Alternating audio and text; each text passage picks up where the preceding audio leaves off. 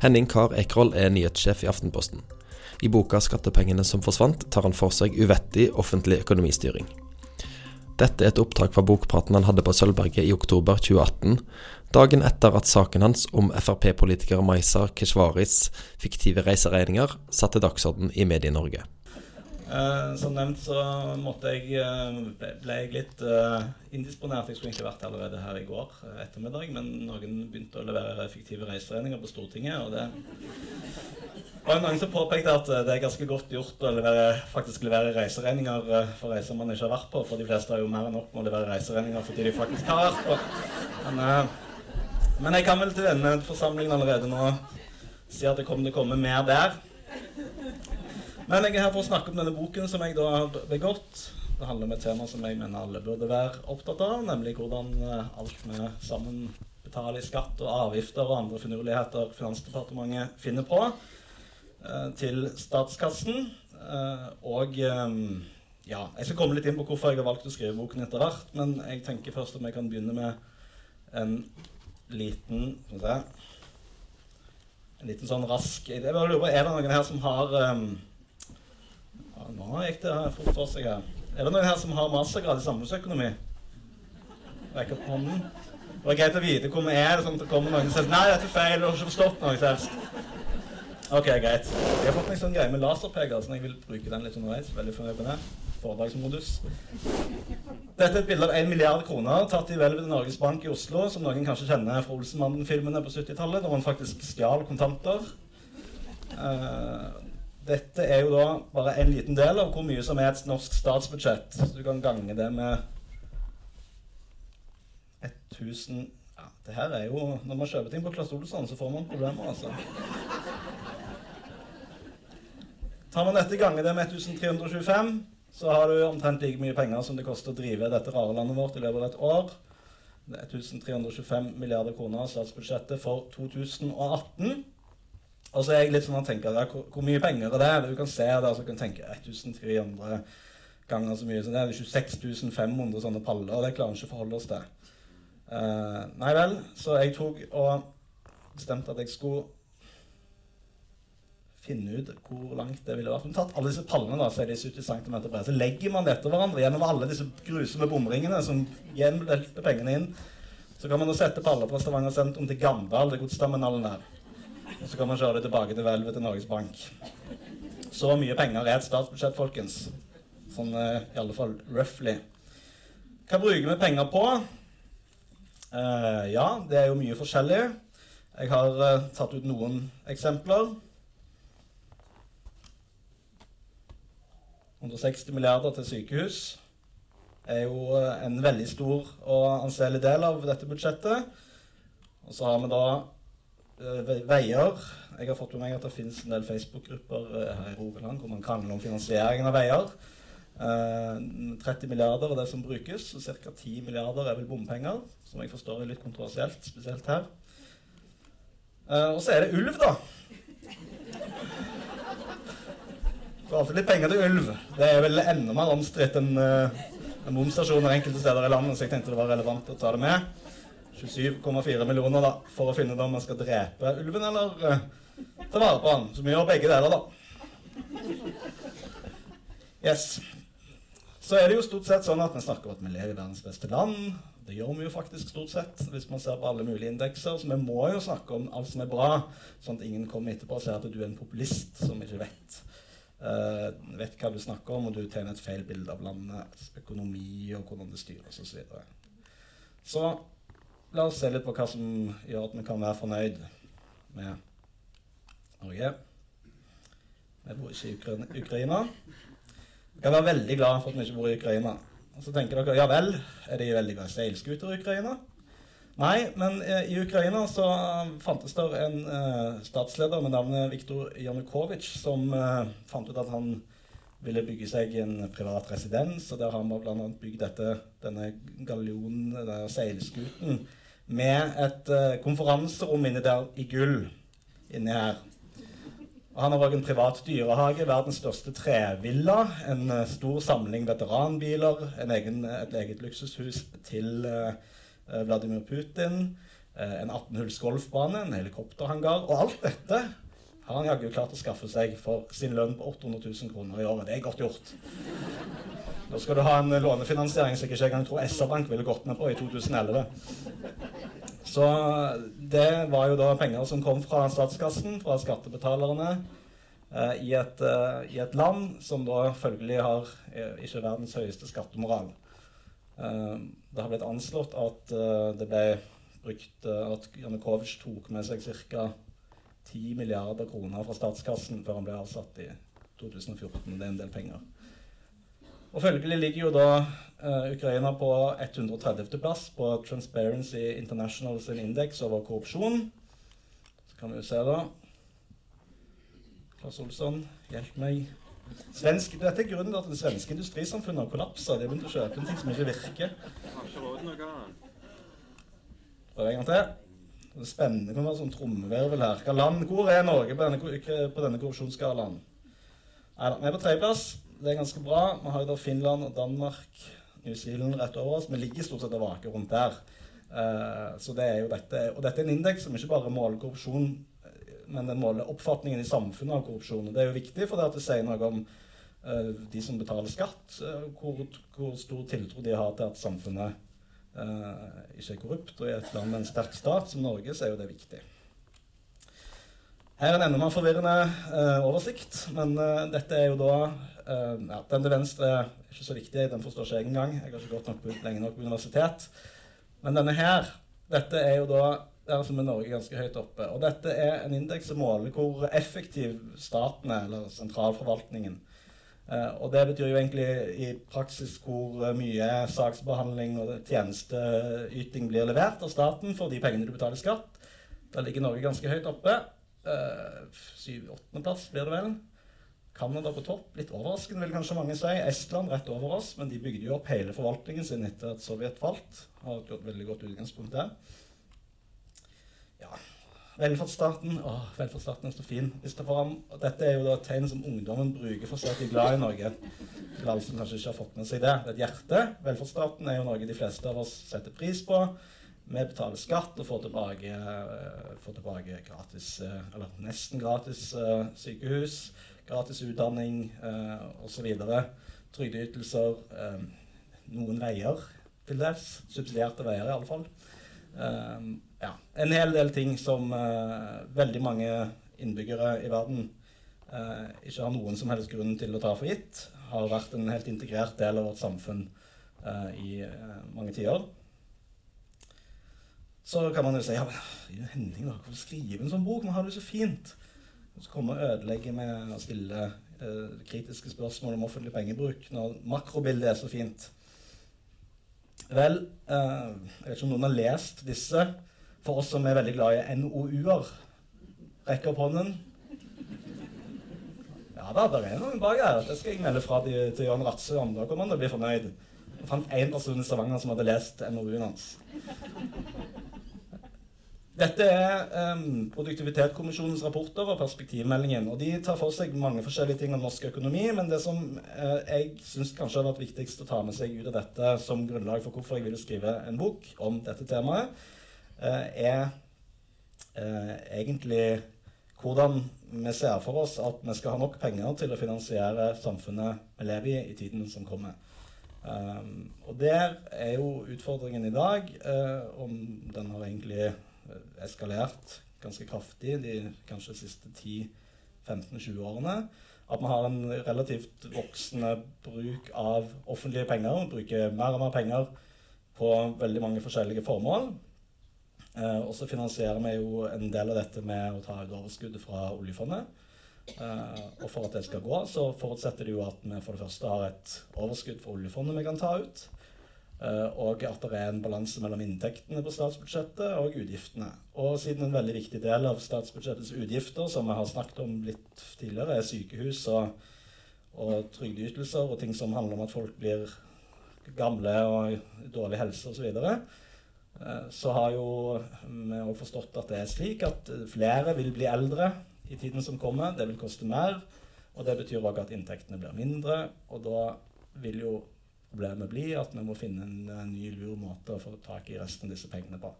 Og da går det jo an å gjøre det ved å enten ta ut enda penger fra oljefondet, i hvert fall på kort sikt, eller vi kan, eh, eller vi kan si at vi vil betale mer i skatt.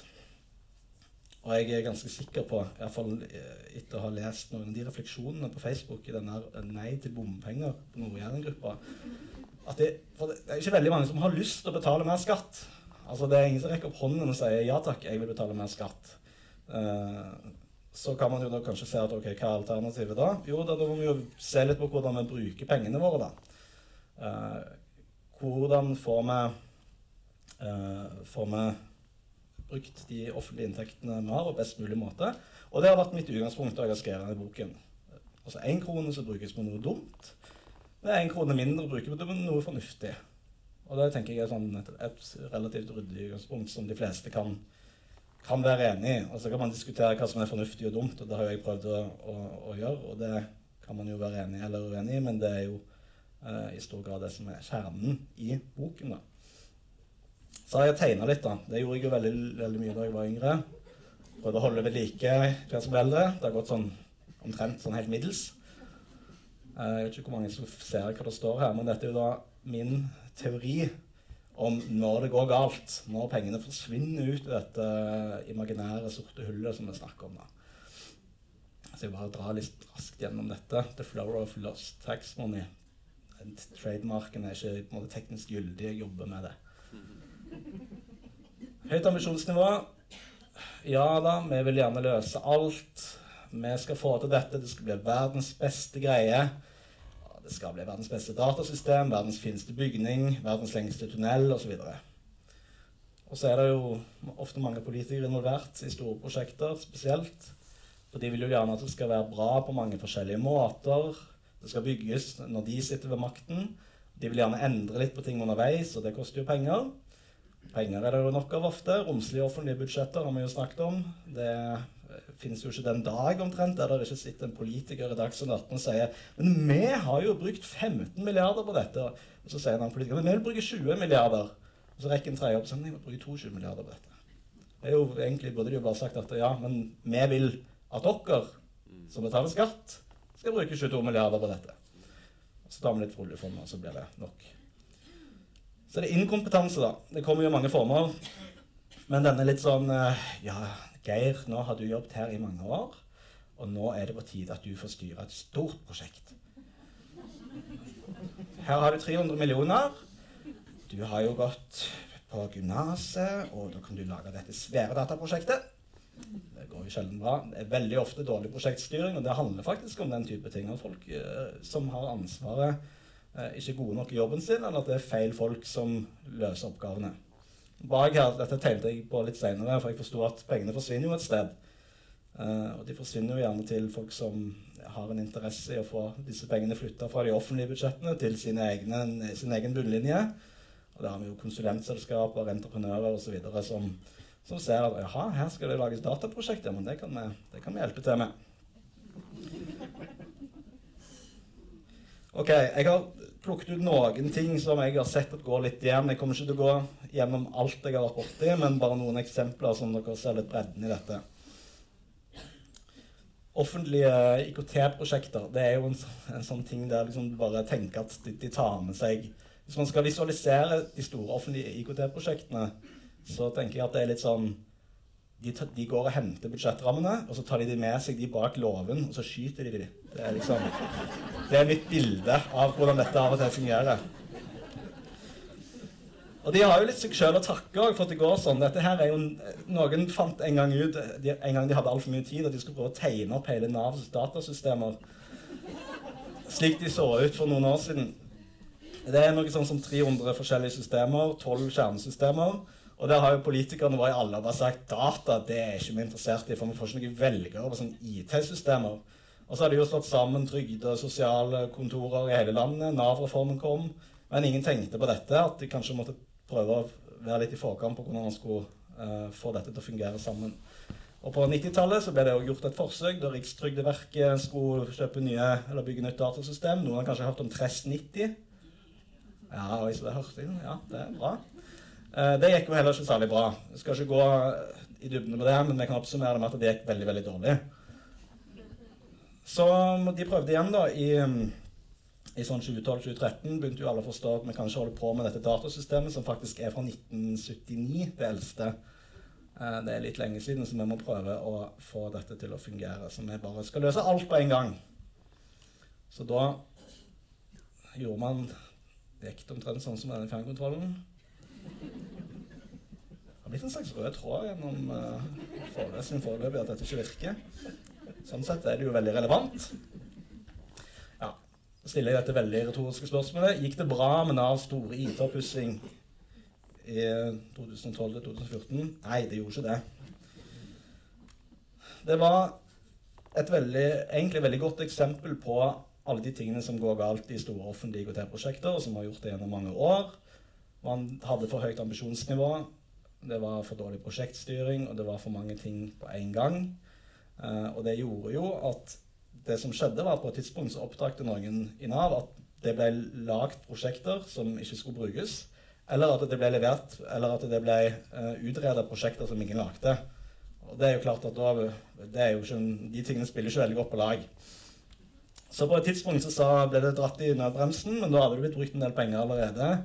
Eh, det tallet som har blitt kommunisert eh, offentlig, det er rundt 700 millioner kroner. Men så har det vært litt diskusjon på hvor, hvor mye er det reelle tapet. Riksrevisjonen de var rundt her. Eh, senere vil det egentlig komme fram at det nok er i, i det øvre, eh, øvre området her. Ja vel, som vi sier her i Stavanger. Hvor mye er det, da? Har ikke noe i forhold til så store summer. Kanskje garasjen naboen min på Egenes koster ikke så mye engang. Nei, så jeg tok fram eh, Jeg har jo en sånn Macbook Pro. Det er jo en datamaskin jeg har et forhold til. Sikkert mange òg kanskje har. Og så tenkte jeg OK, den koster eh, Jeg husker ikke hvor mye jeg fant, om det var 14 000 kroner. Så da hvis vi tar og legger sånne etter hverandre fra Stavanger til Hinna Langs rv. 44, gjennom bomringene, gjennom hele denne halvferdige bussveien og disse rundkjøringene og disse lysene som ikke virker. Legger vi ned sånne nye laptoper som det. Og så ringer vi TS-en så sier vi du, vi trenger en veivals. Vi skal kjøre over 6,5 km med helt nye Macbook Pro. Og da har du kasta vekk like mye penger som det Nav gjorde da de skulle prøve å fikse datasystemet sitt frem til 2014. Det er ett av mange IT-eksempler som jeg har vært innom en del andre i boken. da. Ja, jeg vil tilbake til det jeg nevnte. Høyt ambisjonsnivå. Vi fikser alle disse systemene på en gang. Det er jo bare 300 av dem. Inkompetanse. Geir, du, fikser du dette? Ring noen konsulenter, de bak her. Masse penger og masse politikere som har begynt å forstå at det er på tide å gjøre noe med dette. Og har litt dårlig samvittighet for at det sitter 19 000 saksbehandlere i Nav og bruker tiden sin på å kopiere ting mellom 300 forskjellige datasystemer. Da går det galt. Det blir dyrt. Offentlige byggeprosjekter. Får det kjenne en sånn følelse av glede og sorg samtidig. Ja, Oslo kommune 2003. Holmenkollen vårt nasjonalanlegg. Da fikk de en idé om at de skulle søke om VM og sånn. Og når politikere får ideer om at de skal søke om store idrettsarrangementer, det, det, det var dyrt, altså. Men de skulle bare pusse opp litt. sant? Få det litt fint. Det var sleden baki der. Har ikke blitt pustet opp siden siden Ta sjansen og Tande P sto og ropte i mikrofonen der i 1982. Så det var greit å få gjort litt. 41 millioner, du får vel gjort litt for det. Åh, men skal vi ikke bare gjøre litt til med første gang? Jo, vi må gjøre litt til. Vi bygger alt nytt. Oi, ble 1,8 milliarder, det, gitt. Ja, ja. En relativt solid økning. Um, en, eh, et prosjekt som er ganske representativt. Så finnes det noen lure folk på NTNU, et eget forskningsprogram som heter Concept. og De går av og til inn og ser på sånne store offentlige prosjekter. De har jo oppsummert det ganske greit her. da. Det er mye gøy man kan lese fra den rapporten, men jeg synes dette er bare en sånn helt, en ganske ryddig oppsummering på hvordan det går når kommunepolitikere skal styre byggeprosjekt. Ja, Det hjelper ikke nødvendigvis når regjeringspolitikere skal styre byggeprosjekt. Det var fint med Folkehelseinstituttet, viktig nasjonal institusjon for folkehelse holder til litt forskjellige steder i Oslo i dag. Eh, og det er jo ikke ideelt, så noen tenkte at eh, kanskje vi skal samle de et sted på Linneren. Lin Linneren, Det går ikke an å si det, men man er fra Stavanger. Det er ingen som forstår det i Oslo. Linneren eh, i Oslo. Så skal vi bygge en fin bygning her, da. Det var fint, det. Alle var enige om det. Ja. 170 millioner kroner. Nei. Det er ikke noe bygg likevel, men det var iallfall plan, veldig, veldig god planlegging. da. Det var flotte tegninger for 170 millioner kroner. Så det som skjedde der, var jo at eh, politikerne eh, hele tiden endra planene. For de ville jo ha synergieffekter av eh, at man skulle flytte folk sammen. Så de endra. De flytte, skulle flytte noen fra universitetet til Folkehelseinstituttet. Så måtte de bygge, lage om planene på nytt, og så måtte de utvide. Og så kom det noen miljø, miljøorienterte politikere. ville være vindmøller, energibrønn og sol, uh, solcellepaneler rundt omkring. Og da sa jo Statsbygg sånn som at vi kan endre dette, men da blir det dyrere. Og de sa ja, kjør på. Og så en dag så så noen Oi, dette blir dyrt. Vi gjør det ikke likevel. Da har du brukt 170 millioner kroner på planlegging. Ah, ja, stupetårn. Noen av oss har jo tilbrakt tid på Vaulen og Rodalen. Kanskje prøvd å, prøvd å stupe på disse stupetårnene her og sett på det og tenkt at dette her dette kan, dette her får meg til. Dette sånn som vi her i Stavanger gjør med, med støy, støybeskjed og, og et par øl i løpet av en helg. Funker helt greit. Hamar kommune var inne på tanken i 2009. Hvor mye kan det koste å bygge et stupetårn? Hvor mye kan det koste? Ja, det kan koste ganske mye, det. Uh, eh, 23,4 millioner kroner for dette stupetårnet her, som ser veldig, veldig nyskapende, innovativ løsning. Hvor det flyter da opp og ned i Mjøsa på disse her uh, stålsøylene. Sånn at når det blir is på Mjøsa, så fryser det her nede. Når det blåser, så løsner det og drar seg inn til land. Så nå har de brukt litt penger på noen varmekabler her, så de ikke skal fryse fast. Det koster 100 000 ekstra. Jeg vet ikke om det er med det er 23,4 millioner. Som sier 23,5 millioner, da, som må runde litt opp. Og for de 100 000 de brukte varmekabler, så kunne du bygd tre eh, stupetårn på Gjøvik. For det det var 700, 700 stupetårn på Gjøvik for den samme som, som Hamar brukte. Så, men det ble, jo, det ble jo fint til slutt, kanskje. Stortinget har jo eh, ja, Stortinget har jo òg drevet byggeprosjekt. De har jo denne bygningen her, Prinsens gate 26, en flott uh, bygård i Oslo som har blitt brukt til kontorer for Stortinget i mange år. Under bakken her så går det noen tunneler og sånt. Uh, det la de allerede på 70-tallet. Da oppdaget de at det var uh, aluskifer i bakken, og det er jo aldri bra. Så det ble litt, litt dyrere enn planlagt. Og så gravde de det opp igjen i 1988. Ble overraska igjen over at det var alunskifer i bakken. Det ble litt dyrere enn planlagt gravde de det opp igjen i 2004. Da var det fremdeles algeskifer i bakken. Oi, oi, oi. Hvem kunne visst? Men uh, i 2011 så skulle det være pussa opp litt, da. Så den 70 millioner kroner, det var jo burde man komme langt med. Nei da. Men uh, hvis du skal pusse opp litt, så er det jo greit å grave opp bakken, lage en underjordisk post og post- og varemottak, rive hele denne innvendig, grave seg ned par etasjer, bygge en kvart kilometer lang tunnel i det tetteste bebygde området i hele landet. Kjempeidé ble det jo fort litt dyrere. Det var fremdeles alunskifer i bakken. Kom litt overraskende på. Mye rart der i bakken. der. Hadde jo kanskje gravd der på ti år. Hva kan ha skjedd i mellomtiden? Um, ja, altså Det ble jo, jeg, jo alltid, jeg hadde en sånn idé om at jeg skulle bygge denne kostnadsoverskridelsen i Lego, men så forstår jeg jo at det er litt vanskelig å se for dere bak der. Så jeg har egentlig tatt en, en litt, sånn, et litt nærere grep.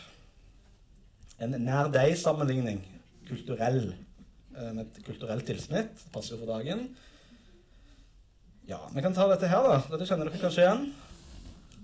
Sølvberget vant vel en betongpris i 1987 for ypperst type betongkonstruksjon.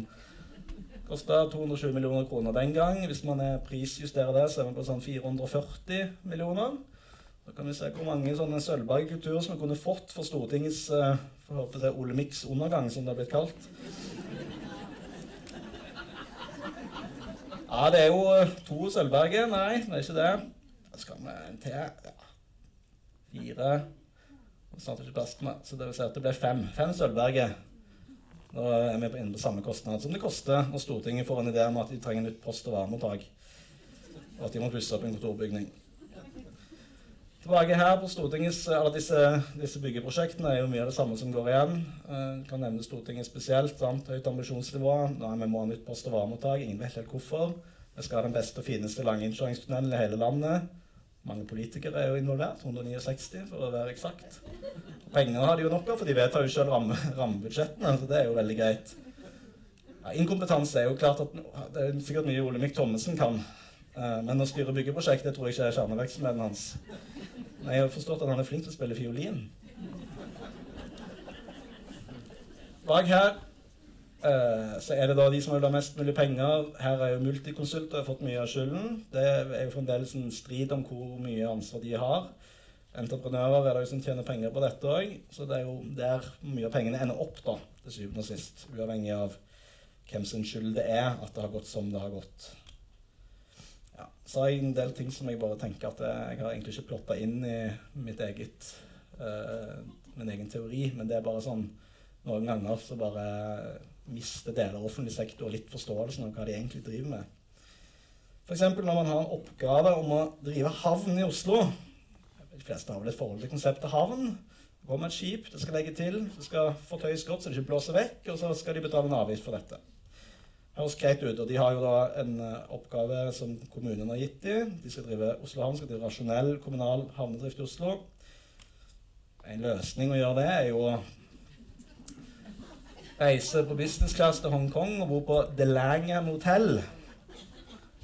Et uh, flott hotell. Jeg tok bare og så litt på nettsiden så jeg tenkte jeg kunne bare lese litt om deres egen beskrivelse. Jeg kan da, Hvis du jobber i Oslo havn og tenker du skal drive rasjonell havnedrift, så tenker du ok, stå opp og komme på jobb en dag og tenker hva kan jeg gjøre i dag for å drive rasjonell havnedrift? Kanskje jeg skal bestille noen flybilletter på business class til Hongkong, bo på The Langham, et hotell der luksus møter upåklagelig service, og der man kan slappe av i jacuzzien på takterrassen med massasje mens man venter i avslappende spabehandling med elementer og feng shui. De fem elementene tre, ild, jord, metall og vann. Er det å drive rasjonell havnedrift? Ja, det er det jo. Ja da, så det gjorde de. Middag til 17 000 kroner òg. Får ikke bedre rasjonell havnedrift enn det. Det er dyrt når du skal spise så mange middager, så det er greit å kutte et par av de som faktisk jobber i havnen. Spare litt penger. Dette var jo Dagbladet som for øvrig altså jeg vil bare nevne det. Dette her Dagbladet som har avslørt. Det var ikke kommunerevisjonen som oppdaget det først. Det var Vegard Vennli i Dagbladet. Gjorde en fantastisk jobb med å grave seg ned dokumentene. Prøvde å forsvare og ble møtt med en kald skulder og den tradisjonelle ansvarsforskrivelsen som dessverre preger en del av disse organisasjonene. Ja, ble nevnt litt innledningsvis at jeg hadde vært og tafsa litt på regnskapene til Forsvarsbygg i sin tid. Uh, de har jo en oppgave som går ut på å forvalte forsvarseiendommer, statlige eiendommer rundt omkring i Norge. Mange måter å gjøre det på. Man kan jo f.eks. arrangere sitt eget svar på Oscar-utdelingen. Og leie, leie 173 rom på Grand Hotell for fest. 20 000 kroner på innendørs fyrverkeri hører jo med. Og Når man da skal forklare hvilken fantastisk jobb man gjør for å forvalte statens eiendom, så må man jo markedsføre seg sjøl til resten av staten. Og Da går det jo fort 43 millioner kroner. Men det koster penger, og da tenker noen at da sparer vi penger ved å nedbemanne 210 renholdere og så vaske alle disse bygningene vi har ansvaret for. Så kan vi sette det på anbud, men vi gjør det til noen som ikke er sikkerhetsklarert, så da blir det veldig skittent likevel. Er jo det å prøve å forstå hvordan man Det at Oslo har så bra kollektivtrafikk i dag som de har, det folkens, det er et reelt mirakel. For det å prøve å forstå hva de holdt på, hva som foregikk i kollektivtransporten i Oslo, spesielt på 2000-tallet, det er nesten umulig. Eh, de har lagd et uh, veldig sånn uh, omfattende system av ulike selskaper. Noen skal bestille, noen skal eie vognene, noen skal drifte vognene osv. Så, videre. så skal disse kjøpe og selge tjenester av hverandre. Alle selskapene er kommunale. Selve eierskapet ligger til et eh, selskap med syv ansatte som heter Oslo Vognselskap. Uh, og de, da, de, eier jo selve vognene, og så skal de leie ut de da til Sporveien, som kjører de på skinnene som et infrastrukturforetak i kommunen eier.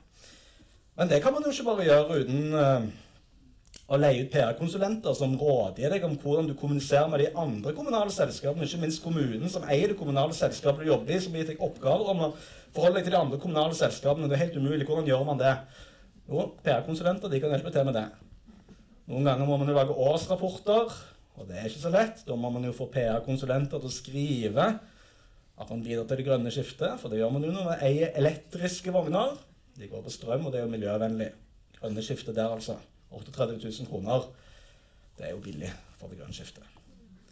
Uh, 100 000 kroner for å feire at man har eksistert i ti år som kommunal forvaltningsenhet. Uh, bare planleggingen koster 100 000. Jeg tror kanskje at, at festen ble stansa da Aftenposten omtalte det. Uh, jeg har ikke tørt å undersøke hvor mye festen eventuelt kosta. Men det ble jo litt omdømmeproblemer av dette, så de brukte jo 250 000 kroner på å lage en kommunikasjonsplan for håndteringen. Ja, det er jo vanskelig å komme det er vanskelig å komme unna dette. Altså.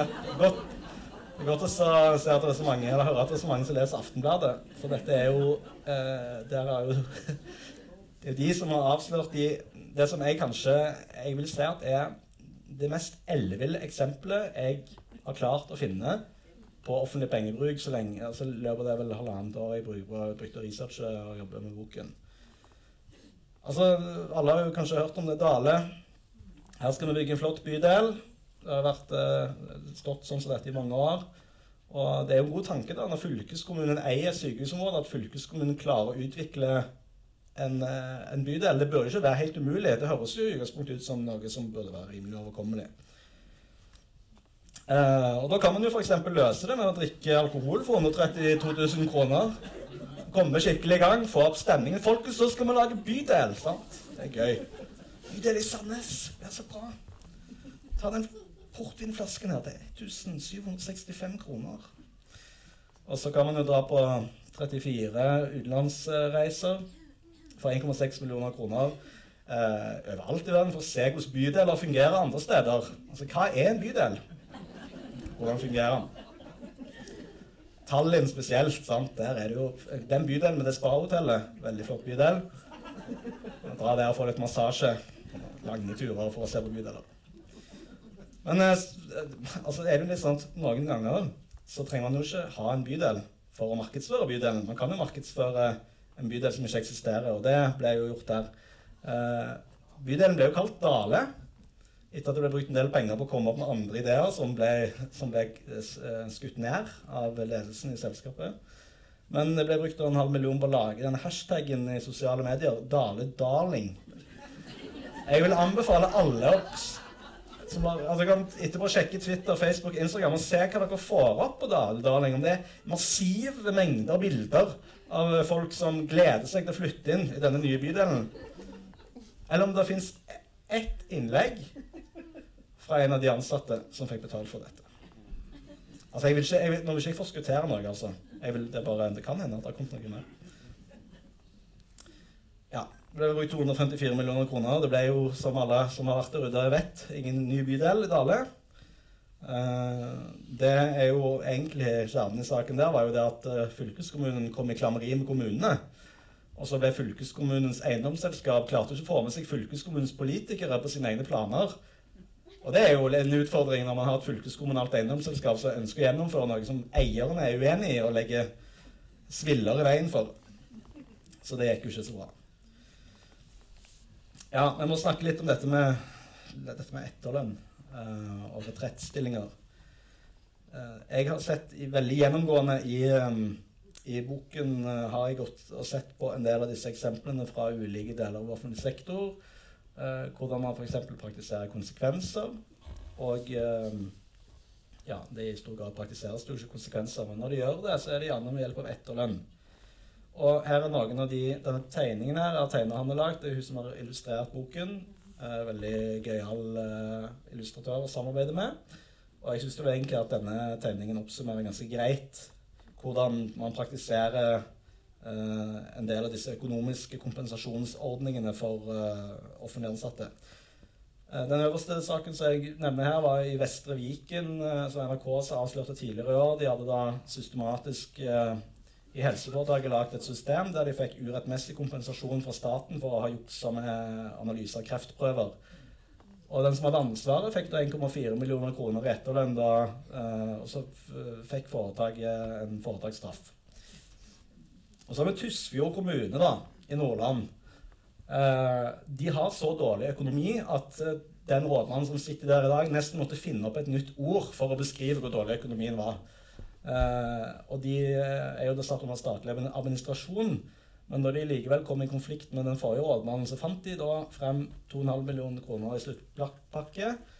Og da dette ble omtalt av NRK, så fikk han 500 000 kroner i erstatning for krenkingen det utgjorde at rådmannens sluttpakke ble offentlig omtalt, og konflikten da med kommunestyret.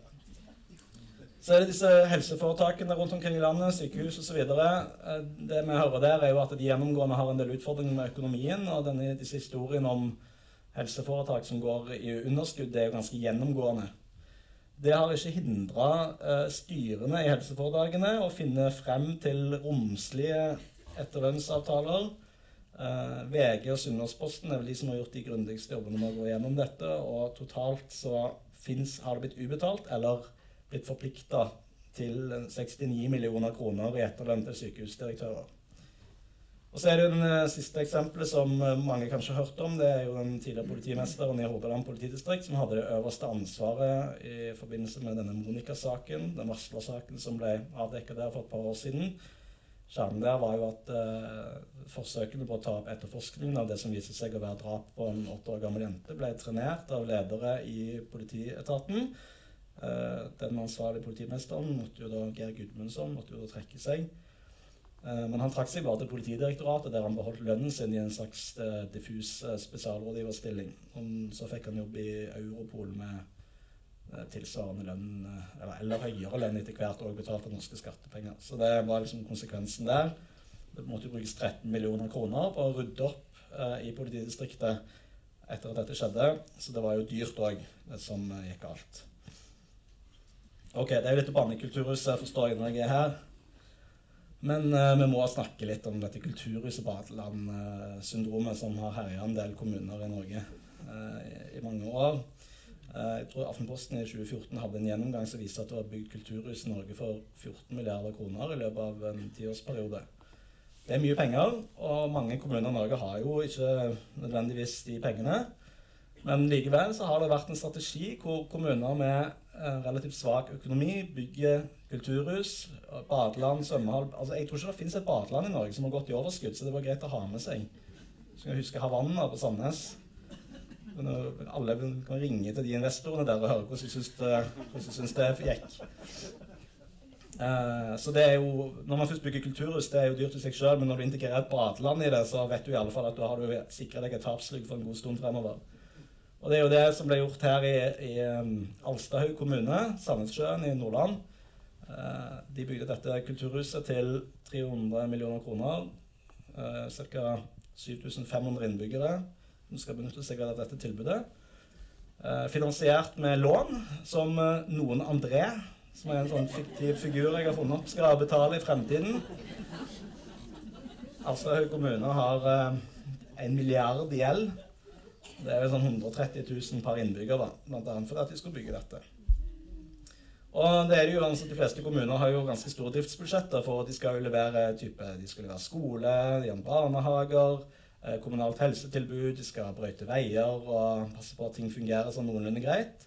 Så når man må bruke penger på å betale ned på lånet, så blir det fort kutt i kjernevirksomheten. Det blir færre sykehjemsplasser eller færre lærere og den type ting. Det er ganske gjennomgående. Men det siste trikset er jo å være genuint overraska når renten stiger, og oljeprisen faller. Jeg vil bare ta med det sitatet fra ordføreren i Alstøy. Ingen kunne forutse oljesmellen. Uh, for det var jo spørsmålet til NRK hvordan ja, dere hadde planlagt dette kulturhuset basert på at det skulle dukke opp masse oljearbeidsplasser i kommunen. Uh, og, og at det ikke skulle være endringer i oljeprisen, som da falt. og følgelig at rentenivået skulle være lavt, ble òg lagt til grunn. Begge deler var jo, har man bommet på. Så tenkte jeg dette ligger jo i, i en journalist og forfatters kjernevirksomhet å faktasjekke påstander fra politikere som dette. Kan dette virkelig stemme? Så jeg satte meg ned, brukte 20 sekunder. Nei, det gjør jo ikke det. det dette er oljeprisen de siste, siden 1987. Alle vet jo at oljeprisen har falt før. Den vil falle igjen, og den falt òg i Alstahaug kommune. Så jeg vil, jeg vil, på en måte bare si at jeg, er, jeg, jeg er ganske sikker på at ingen kunne forutse oljeprisen. At man kan utfordre akkurat det sannhetsgehalten i den påstanden. At ingen kunne, utfordre, ingen kunne forutse det, altså. Uh, men uh, likevel så ja, Man bygde kulturhus, og det ble dyrt. Og nå har de gjeld, og det må betales av noen på et tidspunkt. OK. Begynner å nærme meg en slags avrunding. Uh, ja. Så er det sånn, Hva kan vi gjøre med disse tingene jeg har vært inne på? Det er jo mye forskjellig ganske bredt. Mye handler om, mye handler om store prosjekter, noen handler om litt mindre, mindre mer kuriøse eksempler. Men jeg har lagt et sånn, dette, Det er det mest offentlig sektoraktige sånn sliden jeg har. Bare tekst. Sånn punktvis. Så jeg da tenkte vi kan, alle kan se på det, så kan vi tenke og reflektere litt etterpå. Men um, det er dette med konsekvenskultur. Da. Det er veldig gjennomgående at uh, offentlige ledere som har ansvaret for uh, prosjekter som havarerer, eller som har kasta vekk masse penger med, med eller uten forsett, at det ikke får noen reelle konsekvenser. Og hvis de blir avsatt, så er det ofte til en spesial- eller seniorrådgiverstilling med samme lønn. Grunnen til at det er sånn, er jo en kombinasjon av, eh, av fagforeninger, som, eh, sterke fagforeninger og et regelverk som, de, som, gjør at de har en ganske stor stillingssikkerhet. Uh, og det er jo noe man kan utfordre. Er det andre løsninger man kan bruke for å sørge for at man kan holde folk ansvarlige, ledende, aktører i offentlig sektor ansvarlige? En mulighet der er jo er jo f.eks. større bruk av åremålsstillinger. Altså det fins jo et handlingsrom, men dette er jo, her må man, det er et politisk rammeverk som, som må endres. Uh, og det som er litt interessant, er jo at det er jo ingen som er mer indignert enn politikere når det kommer sånn avsløring om at du ikke får konsekvenser for offentlige ledere. Så sier de nei, vi kan ikke ha det sånn. Dette utfordrer jo eh, skattemoral, moralen, rettferdighetssansen til folk flest. Ja, nettopp. Men gjør noe med det, da så må vi bli bedre på prosjektstyring. Altså det er veldig mange i Norge som jobber i offentlige organisasjoner, som virker til å tro at bare fordi de jobber i den organisasjonen de gjør, så kan de veldig mye. Uh, og de kan også styre store offentlige prosjekter, dataprosjekter, byggeprosjekter. Gang på gang på gang på gang så viser det seg at de tar feil, men de lærer aldri. Verken av de egne feilene de gjør, eller andre. Henger nok litt sammen med mangel på konsekvens. Så der er det jo en, eh, der er det jo et åpenbart forbedringspotensial. Og et litt interessant grep der, som har blitt gjort i Storbritannia, er jo at man har oppretta en egen utdanning for offentlige prosjektledere som skal ha ansvar for å gjennomføre de virkelig store, krevende offentlige prosjektene. Eh, Storbritannia har vært rusta mange sånne store prosjektskandaler opp gjennom årene, om alt fra helsedatasystemer til utbygging av uh, ulike, ulike, store dataprosjekter. Uh, så det har de forstått at de måtte ta grep, og det er jo en modell som jeg tror kunne fungert i Norge, fremfor at man setter dette ut til konsulenter som ikke nødvendigvis har statens økonomiske interesser i, som, som, hovedfokus. Så er det oss velgere da, som stemmer på disse politikerne som sitter i Dagsnytt 18 og snakker om hvor mye penger de har brukt på ting, og hvor mye mer penger de vil bruke på ting. Det er jo da viktig å være bevisst på hvordan pengene brukes, og holde politikerne ansvarlig for dette. Huske på hva som har skjedd opp mot både lokalvalg og, og, og nasjonale valg. Eh, og se til at man, har, eh, at man liksom tenker over ok, det, Jeg hører at de sier at de vil bruke så mye penger på dette, men er det virkelig det som er det avgjørende her? Det er jo til syvende og sist uh, folk flest, velgerne, som bestemmer hvilke politikere de vil ha ved makten. Og det er jo politikerne da som flytter pengene deres rundt omkring. Så det er jo greit å være klar over det. Ja, så er det dette med å sette kommunen på kartet, da. Jeg, jeg, ja, jeg, jeg må bare si at jeg, blir helt matt hver gang jeg hører det, for da vet jeg at det blir dyrt. Om det er stupetårn eller badeland eller kulturhus eller, eller en sånn stor havneterminal der er, altså Kommuner det er, en, det er, en, offentlig forvaltningsenhet som skal levere tjenester til innbyggerne sine. De skal, ikke, de skal ikke drive med markedsføring og sette kommunen på kartet. Det kan private aktører gjøre hvis de mener at det finnes grunnlag for det. Men å drive og bruke penger som man kunne brukt på å styrke det lokale tjenestetilbudet, på å sette kommunen på kartet fordi at en ordfører eller en rådmann har behov for å få eh, et godt rykte eller kunne se seg tilbake og se hva jeg bygde det, nei, nei, det må tas et oppgjør med det, altså. Men det, det er det velgerne som må gjøre. Og da husker, gjelder det å huske, da, hvis man bor i en liten kommune, og ordføreren kommer og sier nå vil vi bygge kulturhus her. Og så kan man tenke ja, kulturhus er fint, men hvor kommer disse pengene fra? Og Det er viktig å stille de spørsmålene. Man kan snakke med lokalavisen, eller skrive kritiske leserinnlegg, til og med lese saksdokumentene i kommunestyret. Og Hvis det er sånn at man skal finansiere alt dette med lån, som er veldig vanlig, så kan man i hvert fall huske på at det lånet det skal nedbetales. Um, og dette er faktisk en så basal utfordring at jeg fant et uh, dokument fra en mindre norsk kommune der rådmannen hadde skrevet til politikerne Husk at lån skal nedbetales. Og når du som rådmann må fortelle dine egne politikere at lån og i kommunen, akkurat som på garasjen og huset, må nedbetales, da forstår du at man kanskje har en litt noen grunnleggende pedagogisk utfordring. Ja, så er det, jeg, var inne, nevnte, jeg har ganske mange eksempler på dette i boken om sånn PR-bruk i offentlig sektor. Det er bare en sånn helt misforstått tanke at direktorater og statlige forvaltningsenheter trenger omdømme. Altså, Hvorfor skal, man, hvorfor skal, et direktorat bygge omdømme? Et direktorat har eh, fått tildelingsbrev av departementene, staten og politikerne for å utføre bestemte oppgaver. Og De skal drive og markedsføre seg sjøl og bruke masse masse penger de kunne brukt på å styrke kjernevirksomheten sin, på å bygge omdømme og leie inn PR-konsulenter og lage flotte årsrapporter. Eh, det er helt, i mine øyne helt unødvendig bruk av offentlige midler. Ja, så folk som forvalter pengene, de må bare skjerpe seg og ha folkeskikk og sunt bondevett. Det er eh, Jeg tenker litt sånn som jeg tror det var på Jæren sånn da, i gamle dager, da man bare Ja, du, skal vi bygge en skal vi bygge en idrettshall her? Så ja, jeg henter brøyten, og så henter jeg en spade, og så bygger vi en idrettshall. Det var helt unødvendig å ringe til, eh, til PR-konsulenter i forkant. Man ordna det, det før middag sier ikke at man må gjøre det, med forhold til anbudsregler og sånt. så vi ikke være helt der, Men poenget er at det finnes en mellomting, og den mellomtingen trenger ikke der. Det er konsulenter og, og reiser til Hongkong.